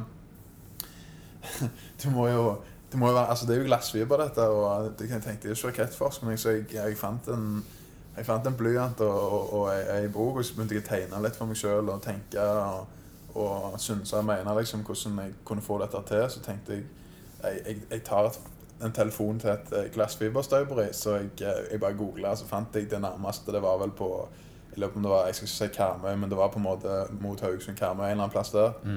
Og så så ringte jeg det opp, og så tenkte jeg, så sa jeg til det liksom, jeg skulle, skulle ha lagt en tank, liksom. Sant? Ja, hva, skal du ha diesel i denne tanken, eller bensin? og- Nei, ikke helt. Nei, altså, jeg skal, jeg, jeg skal ligge i den. De bare, hæ? Ligge i den? Hva, hva du mener, liksom? Vi lager, vi lager vanlige tanker, altså, vi lager ikke mye tanker i utgangspunktet som runde, sånn som du vil ha dem, men vi, vi lager tanker for diesel, bensin, sånn. Ja, men nei, nei, jeg, jeg, jeg skal ligge i den. Jeg skal i vannet, han skal ligge og flyte. Ja, nei, han, han, først trodde han jo i kødda, vet du, sånn at jeg ikke var seriøs. Ja, det var Sibbe som ringte. Ja, sant. Men så, så, så, så sendte jeg han en tegning, og så hørte jeg litt mer. Han så var mye frem og tilbake. Og han så spurte jeg om jeg kunne støype altså en, en oval runding. Det er litt vanskelig å beskrive, men en sylinder. En stor sylinder, liksom. Så, så jeg trengte på en måte bare skralet, da. Sant? Så, sånn at jeg på en måte kunne sant? Alt det pumpegreiene sånn hadde jeg tegnet på Altså Det var uavhengig det jeg skulle lage etterpå, liksom. Ja. Så som jeg gjør med menn, så fikk jeg han til å støype han da, og så um, fikk jeg han på en måte kjørt hjem, og så um, gikk jeg i gang og lagde uh, filtrering og UV-filter og alt det der utenom, og så isolerte han og, og, og det som fulgte med, da. Så det var egentlig sånn den uh, historien gikk for Da hadde du en tanke. Hva hva havna det på prismessig da i forhold til en sånn du skulle kjøpt en fra USA, liksom? Nei, prismessig så havna vel det på eh, Hva var det det var? Det var vel en rundt en 35 000, tror jeg. Det havna på, så det, det var jo en vesentlig forskjell på, på en, en ny tank da, i utgangspunktet. Så, men, men når det er sagt, så, så, så krever det jo en del arbeid. Altså, Det, er ikke- det er ikke noen timer. ja, det, det ikke noen timer, og jeg fikk jo god hjelp fra, fra far min òg. Han er jo det du kan kalle for sånn uh, altmuligmann, og han, han er jo rimelig lik meg på enkelte ting, sånn at han, han, han tar en utfordring, og, og altså, jeg har uh, Ja, han Egentlig så himla ikke han med øynene spesielt i det hele tatt, for han er vant til at jeg kommer med så mye svar at det var ikke sånn ja, flytetank, hva skal du med den? Jeg skal ligge og flyte i 400 kilo salt, liksom. Ja, ja. ok. Vi, får gå på det med godt mot, liksom. Så det, men så kommer det, kommer det andre problemer etterpå, da. Og det, er vel gjerne det største problemet. Det er jo dette med Epsom-saltet, da. sant? Altså, du trenger, du trenger 400 kilo. Alt fra 4 til 450. Det, det varierer jo på vannmengden. Så var det dette en, utfordring hvordan du får tak i saltet. da, sant? For det er jo ingen i Norge som leverer. Altså, jeg ringte til en så sa jeg sånn, jeg skulle ha tak i noe Epsom-salt. liksom. Det var en sånn leverandør. da. Ja, hvor mye trenger du, liksom? Hvor mange gram skal du ha? Hvor, mange- hvor mange gram skal du ha? Sant? Nei 500 kilo? Ah, nei, det, hva, hva jeg skulle med det, liksom? Nei, Så begynte jeg å fortelle den historien til han òg. Så folk trodde jo sikkert igjen at jeg var litt sånn der, nei, woo, woo, sant? Litt sånn, jeg hadde en skru løs. Men sum summarum det, så ble det for dyrt. Så det ble egentlig en, en, en, en, eh, sinnssyk runde på dette med å få tak i salt i utgangspunktet. Det billigste jeg fikk, det var vel at jeg kunne få ett tonn levert i Oslo, men nå måtte jeg hente det sjøl, og da ble det 20 000 for salt i seg sjøl. Så jeg eh, endte opp med å få det faktisk fra Tyskland, da. Og da er jo far, far min behjelpelig med å være med meg ned her og, og hente det, da, for han, han liker å kjøre tur og litt sånn som det, men det er jo bare en løgnhistorie, for vi ble jo stoppa stoppa i tollen, liksom, og de begynte å lure på hvorfor vi hadde ett tonn med nærmest hvitt pulver liggende i tilhengeren, liksom. Og det ble full stopp inn på, inn på sånn rom og skulle sjekke dette. ta Igjen på- måtte du forklare jeg dette måtte her. du forklare hva det var, og sant, etter jeg hadde forklart hva det var, så måtte jeg bare fint sitte på det rommet igjen mens de undersøkte dette pulveret. Etterpå kom de og beklagte seg. Jeg tenkte ja, men jeg får vel lykke til med det prosjektet jeg skulle i gang med, liksom. Og så var vi på veien videre, da. Så, sånn var egentlig den historien. Så da var tank og salt eh, i hus. Da var tank og salt i hus, ja. Men var, det noe sånt du måtte kle det, eller smøre det med noe på innsiden? Ja, liksom? det det sånt, det- I forhold til diesel? Det, det, um, det var det som var casen. Sant? For dette, nok igjen det, så alle andre bruker eh, det du smører båter med. Det heter gelcoat. Men i, i for, altså, gelcoat i seg sjøl er egentlig på en måte litt giftig. ikke sant? Mm. Vi tenker på, i hvert fall før det hadde. sant? Og jeg hadde lagt meg opp en konklusjon i hodet at for der vi alle andre brukte sant, så var det ikke dermed sagt at eh, jeg eh, måtte bruke det pga. at jeg mente at eh, det ikke var godt nok. Jeg kontakta alle og spurte om de brukte gelcoat, og nok en gang så sa de at vi bruker gelcoat og, og, og så videre. Så fant jeg, fant jeg ut at nei, det, gelcoat det, det, det mener ikke jeg er bra nok for meg. da, Sånn at jeg eh, begynte å, å undersøke dette dypere, så fant jeg ut at epoxy Epoxy godkjent for drikkevannstanker da, var på en måte veien jeg ville gå med å behandle denne på innsida. Så det òg var jo et moment. Så, sant? Du, du må jo ha tak i en del, og det er ikke egentlig så lett å få tak i det heller. Men så, så fant jeg en leverandør på det, da, og så, og så fikk jeg levert det. Så, så jeg, jeg tok innsida med epoxy, da, men så er det jo òg det at det, Grunnen til at jeg ikke likte gelcoat, er fordi at i begynnelsen så har det på en måte en viss avdanning. Ak- Akkurat som du maler et rom. sant? Du vil så at ungene Sånn dunstgreier. ja, sant? Ja. du har litt sånn Men etter hvert som de forstår det, så får du på en måte slede seg til det, og så, og, um, så er de på en måte safe, da, men det, jeg er jo såpass opptatt av helse og sånn toksiner og all slags former. jeg vil på en måte minimere risikoen min nå for de til, en- til enhver grad, da. Så eh, det endrer seg opp med, med epoxy, da. Ja, det funker. Og det funker. Ja. Men ja, og så nå vet dere det, folkens, hvordan du skal lage deg en egen eh, eh, float tank. Ja. Men, eh, men så bytta du ut med denne her, da. Var det Så, så bytta jeg ut med, med denne her av at eh, den her eh, Den første jeg lagde, den tok egentlig sinnssykt mye plass. Det var det første av alt. Og så eh, Så kom jeg over den her fordi det var en jeg hadde snakket med tidligere i floating-miljøet, som visste at, at jeg, på en måte trengte en tank. For dette, det, var egentlig på den tida var det jo egentlig umulig å få oppdrevet noe float her i området. liksom. Det var vel gjerne noe snakk om at det var en som hadde en i Oslo. Men så så fikk jeg den altså så jeg fikk et tilbud om å kjøpe den, da, fordi at det var en annen som skulle kjøpe den, men så hadde på en måte det falt gjennom og om at jeg ville ha den for, for en grei pris. da.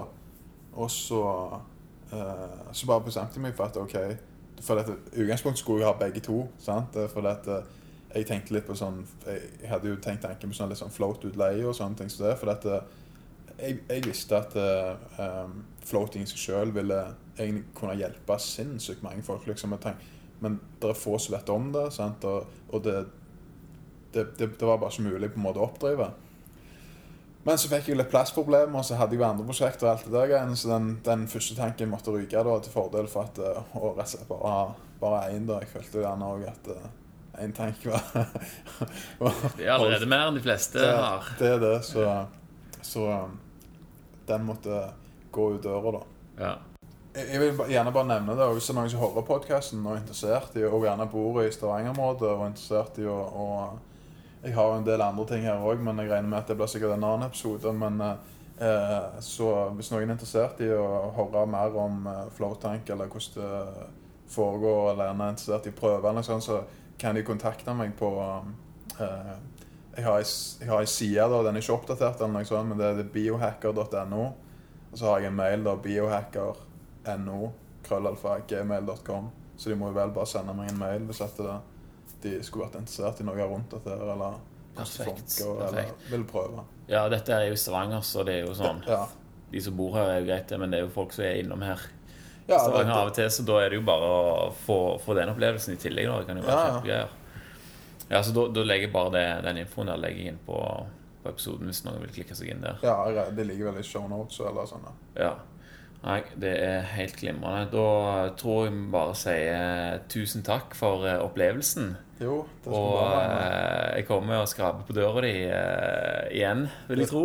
Eh. Dette skal prøves mer. altså Jeg kommer nok til å snakke om det sånn som jeg pleier til, til de fleste. Ja, Så får vi se om du, du får eh, andre folk også komme her og, og vil prøve. altså ja, og neste gang skal vi gjerne òg ta, ta for oss den uh, lysterapi uh, Det, det, det, det har jeg lyst til å prøve. Kan du, kan du fortelle kort hva det er? Lysterapi? K- Kort skal jeg fortelle at uh, lysterapi er egentlig noe jeg sinnssykt, sinnssykt eh, brenner for nå i det siste og har oppdaga. Men lysterapi er noe som heter fotobiomodulering. Sant?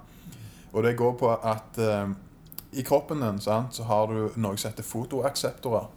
Sant? Og et visst spekter, og dette Fotoakseptor, hva, hva, er- hva er det? det er? Fotoakseptor går på at eh, Det enkleste måten jeg forklarer det på, det er at eh, fotosyntesen i et blad sant? Ja. Når sola skinner på bladet, så er det det som utgjør grønnfargen. Og igjen så samler jo det energi til at det treet eller rota Altså det, det på en måte bladet henger sammen da, kan vokse. Og akkurat det samme eh, fungerer fotoakseptoren i huden med et visst spekter av lys da, i, i eh, den røde og infrarøde lengden. Og det kan ble tatt opp av fotoakseptoren når du lyser rødt lys, eller i, på et spesielt spektrum da, på huden. Så ble det tatt opp, så ble det konvertert til energi, da, ATP, og så egentlig supercharger det mitokondriene, liksom, eller mitochondrien, som det heter på, på engelsk, da, i cellene.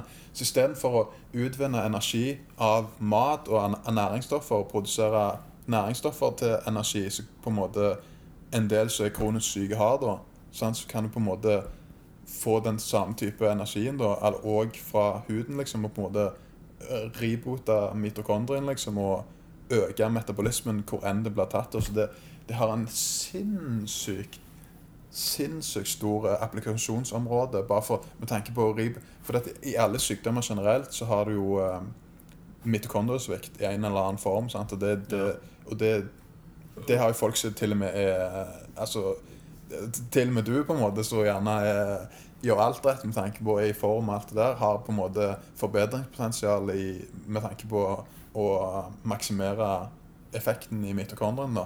Og det dette lyset gjør, det at det, det, det, øker metabolismen hvor enn det blir plassert. og Så har det egentlig en Det har en så bred virkemekanisme at det, det øker i, i folk som er, ikke har noe lavgradig kronisk informasjon, sant, så øker det eh, så øker det oksidativ stress en liten periode.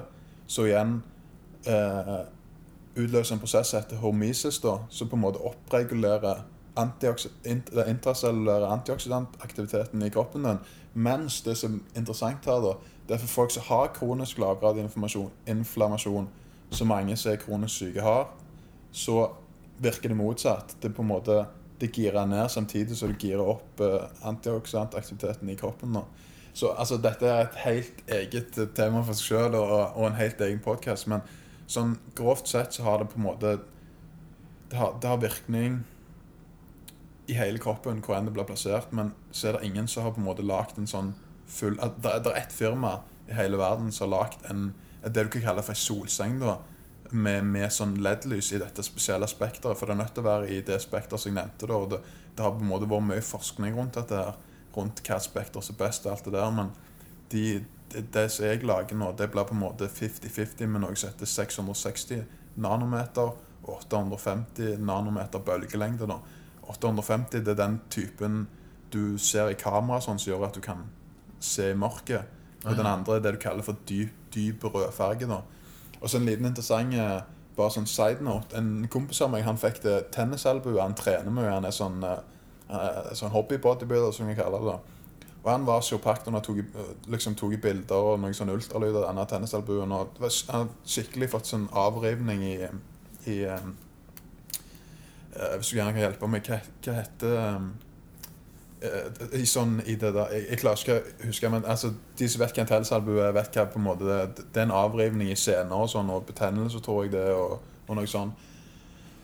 Og han plasserte Jeg ei sånn pære, da, for det er òg sånn nær innenfor rød pære. da. Og han, eh, han brukte den her eh, Det er sånn som henger her. Da. Det er sånn som henger her på sida ja. Det ser ut som sånn som du har eh, Sånn som de hadde hønene. Det, det, men det er sånn som de hadde hønene òg. Det er varmelys sånn som de gjerne bruker på spedbarnsavdeling og sånne ting. Og for å på en måte varme et eh, Gjerne pre, pre, ved prematur fødsel, liksom. Altså født for tidlig og på en måte eh, Ja, varme kiden da, hvis han, når han ligger på gjerne overvåkning og sånne ting som det.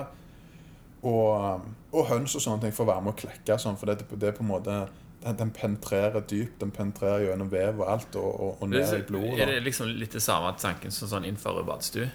Det er den samme tanken som innenfor badstue, bare at innenfor badstue opererer alltid i noe som kalles for. Det er- Nå er det kommet òg Det er kommet badstuer som har eh, full spektrum eh, med midt-infrarød, nær-infrarød og far-infrarød, som dette da. Men akkurat det far-infrarød-spekteret det, det fungerer ikke på samme måte med tanke på helseeffekter. Det, men det fungerer også på, mer på en eh, eh, Hva skal jeg si Altså Det åpner opp porer og sånn. Det, det, varmer, Mm. det, var- det varmer deg mer opp, mens disse har mer på en måte eh, De spekter som jeg nevnte, har mer på en måte helende egenskaper. da Men- ja, for, for sånn så Mitokondria det er liksom i absolutt alle celler Det- det- i hele det- kroppen. Det er ikke det er ikke krafthuset. er ikke- Det, det er krafthuset i hver celle. liksom Det som produserer på en måte energi. da ja. Så det er jo Altså Hvis du på en måte Det vil si du kan bruke det på alle celler, da? egentlig. Ja, egentlig. sant, Du kan bruke det Altså Du har jo mit- mitokondrier i hele kroppen, liksom. I nesten hver ei celle. Hvis, hvis ikke hver ei celle, liksom. Nå er ikke jeg eh, sånn eh, eh, bio, altså, Ikke sånn eh, doktorgrad i biologi, men sånn som jeg har forstått det, så har du det i egentlig hver ei celle har du mitokondrier, liksom. Så er det på en måte kraftigst i enkelte vev, da, der du på en måte sånn essensielle, sånn som hjerte sant? og lunger. Hjerne spesielt, der har du jo en sinnssykt tett eh, sammensetning med mitokondrier. da. Så, men det skulle tilbake med tennisalbuen, da, etter han hadde brukt den i et par uker, så sa han der som jobber på hva, hva du har gjort for noe liksom her? Hva, bare, fortell meg hva du har gjort for noe. Så skal han si nei, nå har jeg brukt det lys og alt det der greiene. Han, han, han hadde aldri sett en, en tennisalbue leke så fort i, i sine 30 år så, som uh, kiropraktor, liksom. Og ble skikkelig skikkelig interessert i dette med, med lysterapi, liksom, og, og, alt rundt dette her, da. Så det Det, det er så kult når du får en sånn Når, når du kan overraske noen, liksom. ja, som, altså, som blir liksom interessert, eh, og ikke liksom Ja, ser på det på en sånn eh, ja liksom, hokus pokus sånn wow, det, ja, Ja. det, det er bare Det er flaks, liksom. Ja, ja, ja. ja det, var, det var skikkelig kult å høre. Jeg datt på sykkel her for noen uker siden, og så har røket menisken eller et eller annet. Eller skal Ja. inn og så sjekke det. Og da, og da Eh, vil jo da vil jo absolutt uh, lysterapi være alfa og omega til å, til å um, Alt som har med kollagen å gjøre, kollagensyntesering og alt det der, det er det det røde lyset er med på å bidra i år. Pluss at det, det jeg ville fram til med fotosyntesen, det er at det, i et blad sant, så har du på en måte Sentralt i et blad så har du magnesium, det som frakter det, mens i blodet har du jern. sant?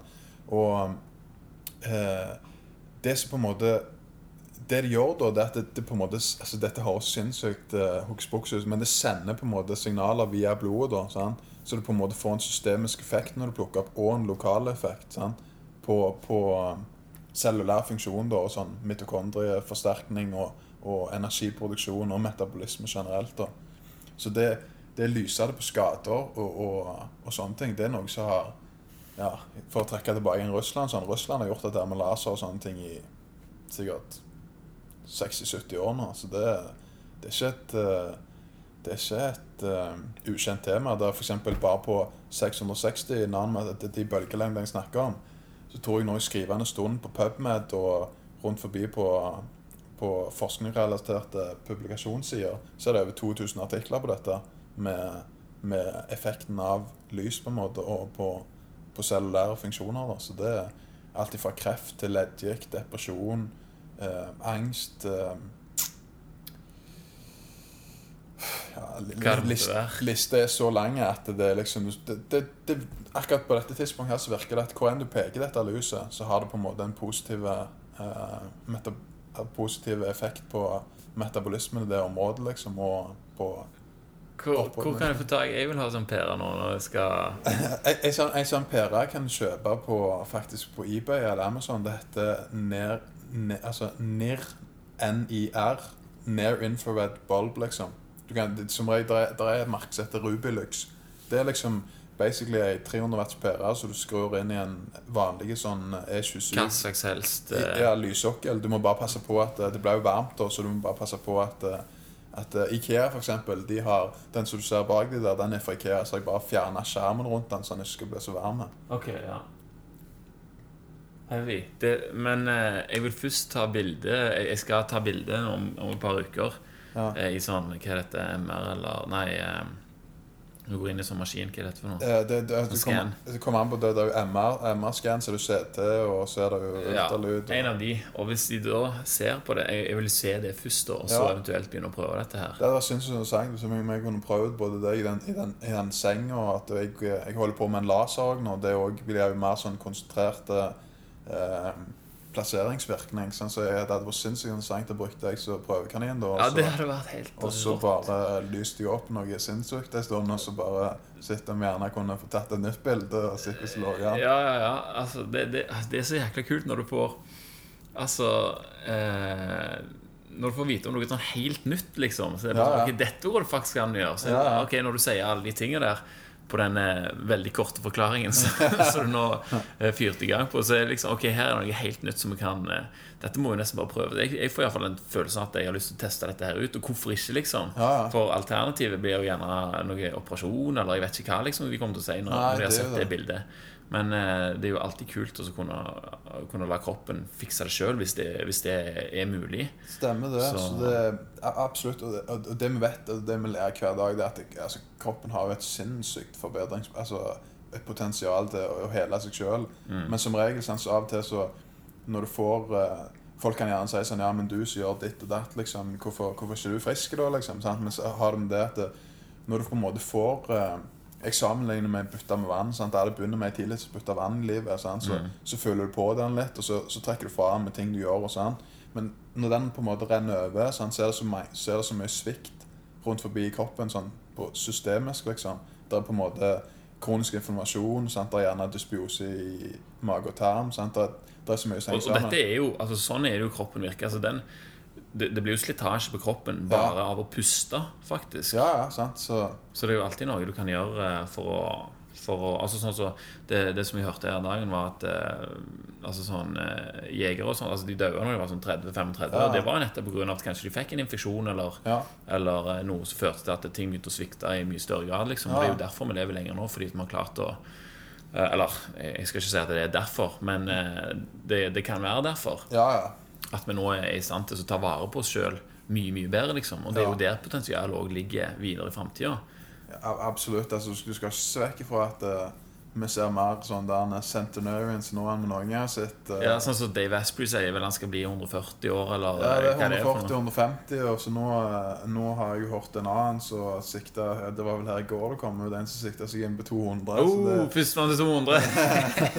så har du han Google, eh, han, han som var med en Han av Peter Google Thiel? Ja, Han som skifter blodet sitt og sånn. Ja, han er jo altså, ja, han, Han er dryg. Han, han, er, han er rimelig dryg. Han har jo personlige oppsett med kosttilskudd han tar hver dag, og, og, og uh, ulike ting han gjør for å på en måte Han sier jo at han skal først, Første målet er vel han sikter seg inn på han skal bli 125, for han mener at da har på en måte den genes, uh, genesplicingen på en måte der med CRISPR og alt tatt sånn overhånd at da på en måte kan du gå inn og tukle med mitokondriene og, og på en måte øke, det som heter mitokondrial biogenesis, sånn at du på en måte produserer nye, friske mitokondrier gjennom på en måte høyere fart. Og endre selvfølgelig på andre ting. Oppregulere gener som står ansvarlig for eh, f.eks. glutationproduksjon og diverse annen antioksidantproduksjon. liksom. Og dette er jo det som du kort kan, kan forklare som om at eh, du reverserer aldring. Ja, det, det er liksom anti-aging, da, eller reversere aldring, på en måte. Det, er basically det, det du holder på med, da. Altså, og nå er det jo ikke stikke av noen stol at eh, det er på en måte hovedaspektet, eller på en måte det som er utfordringen, det er på en måte å redusere oksidativ stress, da. Altså jo mindre på en måte oksidativ stress du har på en måte blir utsatt for, jo lenger lever du, på en måte. Altså, jo, jo Jo lenger klarer cellene å drive. ja, cellene driver på en måte, og at de, måte, at de har ennå en eh, høy energiomsetning, og på en måte at de gjør sånn som de er programmert til å gjøre. Og det å skifte seg ut, liksom, altså kutte ut daukjøttet, drepe det som er dødt Altså det som ikke presterer på et komplett nivå, eller på et fullstendig nivå, det er bare ut med det, og så inn med nye, liksom. Det er på en måte det som er biogenesis, da, på en måte. Det, det er akkurat som Bruce Lee sier. Har du hørt det? Nei, det har jeg ikke hørt. det. Eh, Hva er det han sier nå? Det er sånn eh, Kast vekk det som er unyttig, og, Ja. og tilpass deg det som er nyttig. Ja. Og så legger du til det som er uniquely your own, som han sier. Ja, sant. Så, så det går litt eh, Den kan brukes så mye. Det. Ja, han kan faktisk det. Han, men han Bruce Lee, han var, han var en- Han var jo mye inne på dette her. Han var mye inne på dette, og han var egentlig en uh, sinnssykt skarp mann. Han, jeg tror han hadde forstått en hel del. Hvis du går, går tilbake inn og leser ting, ting han har skrevet Og, altså, ting, Og ting han gjorde. og ting han gjorde, var- ja. Og ting han, han, han var før mange andre, han. Altså det, og det, hvis du bare ser på videoer av han, altså, han, han så jo ut som en forbanna superhuman, liksom. Altså, Ja. det, det han presterte, det han klarte å gjøre. det sånn sånn. Ja, ja, men han døde når han var 33. Ja, ja, sånn, ja men det- men det er jo Jesus òg.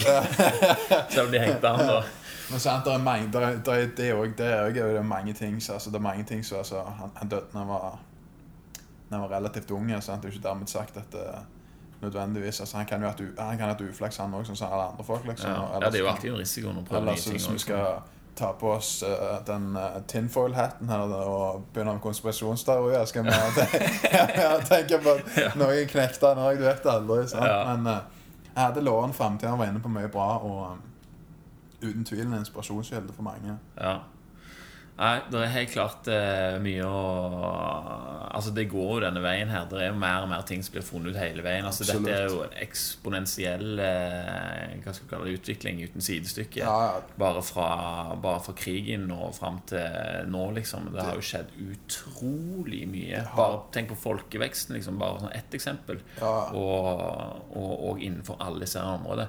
Og så har du selvfølgelig effekten av internett. At alle disse ideene kan bli spredd på en helt annen måte. ja, altså, sånn, altså, du kan sitte her og, og finne ut eh, hvordan du skal bygge en flytetank, liksom. Ja, ja, bare, med, bare med telefonen og PC-en. Og, og det som er- tilbake med sånn anti-aldring og sånn òg, det er jo det at eh, eh, allerede nå så er det jo for allerede folk som har vært i sånn Sør-Amerika sånn, på sånn diverse sånn uh, US-klinikker. Er vel ei dame i sånn stor sånn anti-aging-gruppe eller sånn firma som driver i USA, som allerede har vært og fått endra på genene. Jeg så hun Ja. på, på faktisk på eh, Hun var jo i Norge nettopp. Uh, hun var på det der uh, Satan, nå står du helt fast. Han der turbonegerfyren, vet du. Uh, trygdekontoret. Ja, Så der er det en episode inne på NRK, så du kan sjekke ut der hun dama er. Okay. Og da er det en annen fyr òg, en sånn norsk filosof-type. Ja. så han er liksom Han, han skal han, Når han dør, skal han fryses ned liksom, og skippes til USA. Og legges på flytende hydrogen og sånn. Ja. I så og så mange år i påvente av at eh, han skal bli gjenoppliva, liksom. Ja, når, teknologien har tatt igjen eh, Det der skjer Dette her. ting. Og så så er det med stamceller bare stamceller. Det, det, det forskningen har gjort der de siste sant? Det, det, den er jo helt ekstrem. Med placenta-stamceller alt. Altså nå, nå kan jo Nå kan du reise til flere land, liksom, og, og ta bare eh, bitte litt sånn beinmerg av deg sjøl, altså dine egne stamceller, og så dyrka de opp og få pumpet inn igjen. sant? Og, Ja, det jo han Joe Rogan òg ja. Joe. Rogan har gjort det. Dan Bilzerian. Altså mange av disse store MMA-fightere eh, av ulike former. Altså, folk overalt. Nå, nå på en måte blir det tilgjengelig. Etter hvert så det blir mer og mer vanlig, så vil prisen også synke. Men Sist jeg hørte nå, så er det vel Prisen for å få en sånn stamcelleinjeksjon på en eh, Jeg lurer på om det er en 300-400 millioner stamceller du får injisert i deg sjøl. Og disse vil jo bare på en måte finne ting eh, selektivt. Sant? Finne ting som på en måte trenger å reparere. Sant? Altså, har du på en måte skader på hjertet du ikke er klar over, sant? Mm. lungen gjerne litt eh, sant? eh, oppslått, så vil jo dette gå og reparere det. Og det òg vil kunne diskuteres at det er et sinnssykt framskritt bare i det å, med tanke på å leve lenger og sånne ting. Sånn som du nevnte, Dave Asprey, han også har jo vært og initiert seg selv med stamceller flere, flere ganger nå. Så det er Nå skal jeg nevne Joe Rogan. Han, han hadde jo den skulderskaden, han sa jo det at eh, nå, nå, Han følte akkurat så Akkurat han allerede trent med den skulderen, for hadde sånn, sånn hans egne og uh, choked motherfuckers out med den der eh, sånn headlock, liksom, med tanke på at det var liksom sånn han på en måte sled han ut i utgangspunktet, da, men han, han holder på med, med sånn uh, brasiliansk jiu-jitsu og sånne ting, og der er det jo sinnssyk slitasje på, på sånn joints og ledd og sånne ting, så, så det uten tvil, uten operasjon eller noen ting, bare med en injeksjon med stamceller, som er basically dine egne celler, da, på en måte bare kulturert på utsida og, og uh, gitt den rette på en måte hva skal vi kalle det, maten, så sant, de vokser seg større, og så injisert i en høy konsentrasjon, og så på en måte fikser det opp i, i businessen sjøl. Altså. Det er jo eh, sinnssykt mye kulere enn enn uh, en opererer, f.eks. Det. Sinnssykt mye kulere. Så ser du det også de kaller for rejuvekine tror jeg det. Ja, rejuvekine Da tar de faktisk bare blodet ditt, så spinner de det i en sentrifuge. Så bruker de kun plasma. Ja. Og så, og så tar de plasma så og setter det inn. Sant? Og da også er det jo bare på en måte konsentrert god stoff fra, fra deg sjøl på eh, konsentrert på én spesifikk plass, da, så bare får ting til å ting til å skje, rett og slett. Du klarer på en måte å fremprovosere mer og mer biologiske reaksjoner liksom, eh, i deg sjøl enn vi før noen gang hadde tenkt. Så framtida ser egentlig sinnssykt lys ut for oss. da. Det, ja, det blir spennende å følge med, og jeg merker at vi kan jo sitte her og jobbe og jobbe og jobbe Ja. om dette her. Men eh, vi får ta oss runde av, og så får vi heller ta opp tråden igjen eh, neste gang. Vi får det. Så jeg er i hvert fall skamfornøyd med den opplevelsen jeg har hatt i dag, så jeg kommer tilbake. Og tusen takk til TK for alt av informasjon og tilgang til tank og andre festlige leketøy. Det der var en vanvittig kjekk dag for meg. Og jeg kan bare si det at det som skjer når meg og TK snakker, det er at vi aldri klarer å holde fred. Det går bare dypere og dypere ned og bort og ut i alle slags retninger eh, når vi først setter i gang. Vi prøvde en gang tidligere så er det å lage en episode, men da ble vi sittende i nesten fire timer og snakke, og stakkars bror min satt ved siden av, og han holdt på å gå og legge seg i flytetanken for godt. Eh, Men den episoden der den ble rett og slett for drøye, så istedenfor å lage veldig lange mm, og innvikla episoder, så tenkte vi at det var bedre å dele det opp og spre det litt. Så neste gang jeg er i Stavanger, så er det høy, høy sannsynlighet for ny episode med TK og hans eh, videnspredte interesser. Eh, ta bare kontakt med Diger sjøl om du vil prøve tanken hans. Eh, Den befinner seg jo på Tasta i Stavanger, men er du i nærheten, så, så ordner det seg det. Biohacker.no at gmail.com, eller gå inn på biohacker.no, så finner du han der. Yes, denne uka her så har jeg eh, fasta, og når jeg nå leser dette her inn, så er jeg helt på slutten av tredje dagen. Bare to dager igjen. Jeg går for en femdagers denne gangen her. Det gjør jeg hvert kvartal. Ehm, jeg gleder meg til å spise, for å si det sånn. Eh, tenker på det. Eh, Men prøver å ikke gjøre det. Dag for dag så skriver jeg uansett ned hvordan jeg føler meg, og hva det er jeg gjør, og så kommer det en episode om det etter hvert. Takk for i dag. Takk for at du hører på. Eh, Jeg har sagt det før, men jeg sier det igjen. Jeg benytter meg ikke av sosiale medier lenger, og har bytta det ut med et nyhetsbrev. Og hvorfor, det forklarer jeg i episode 16. Og melde deg på nyhetsbrevet, det kan du gjøre på podkasten.no. Ha en fin helg, eller hverdag, eller hva det nå er, der du, eh, når du hører dette her. Vi snakkes.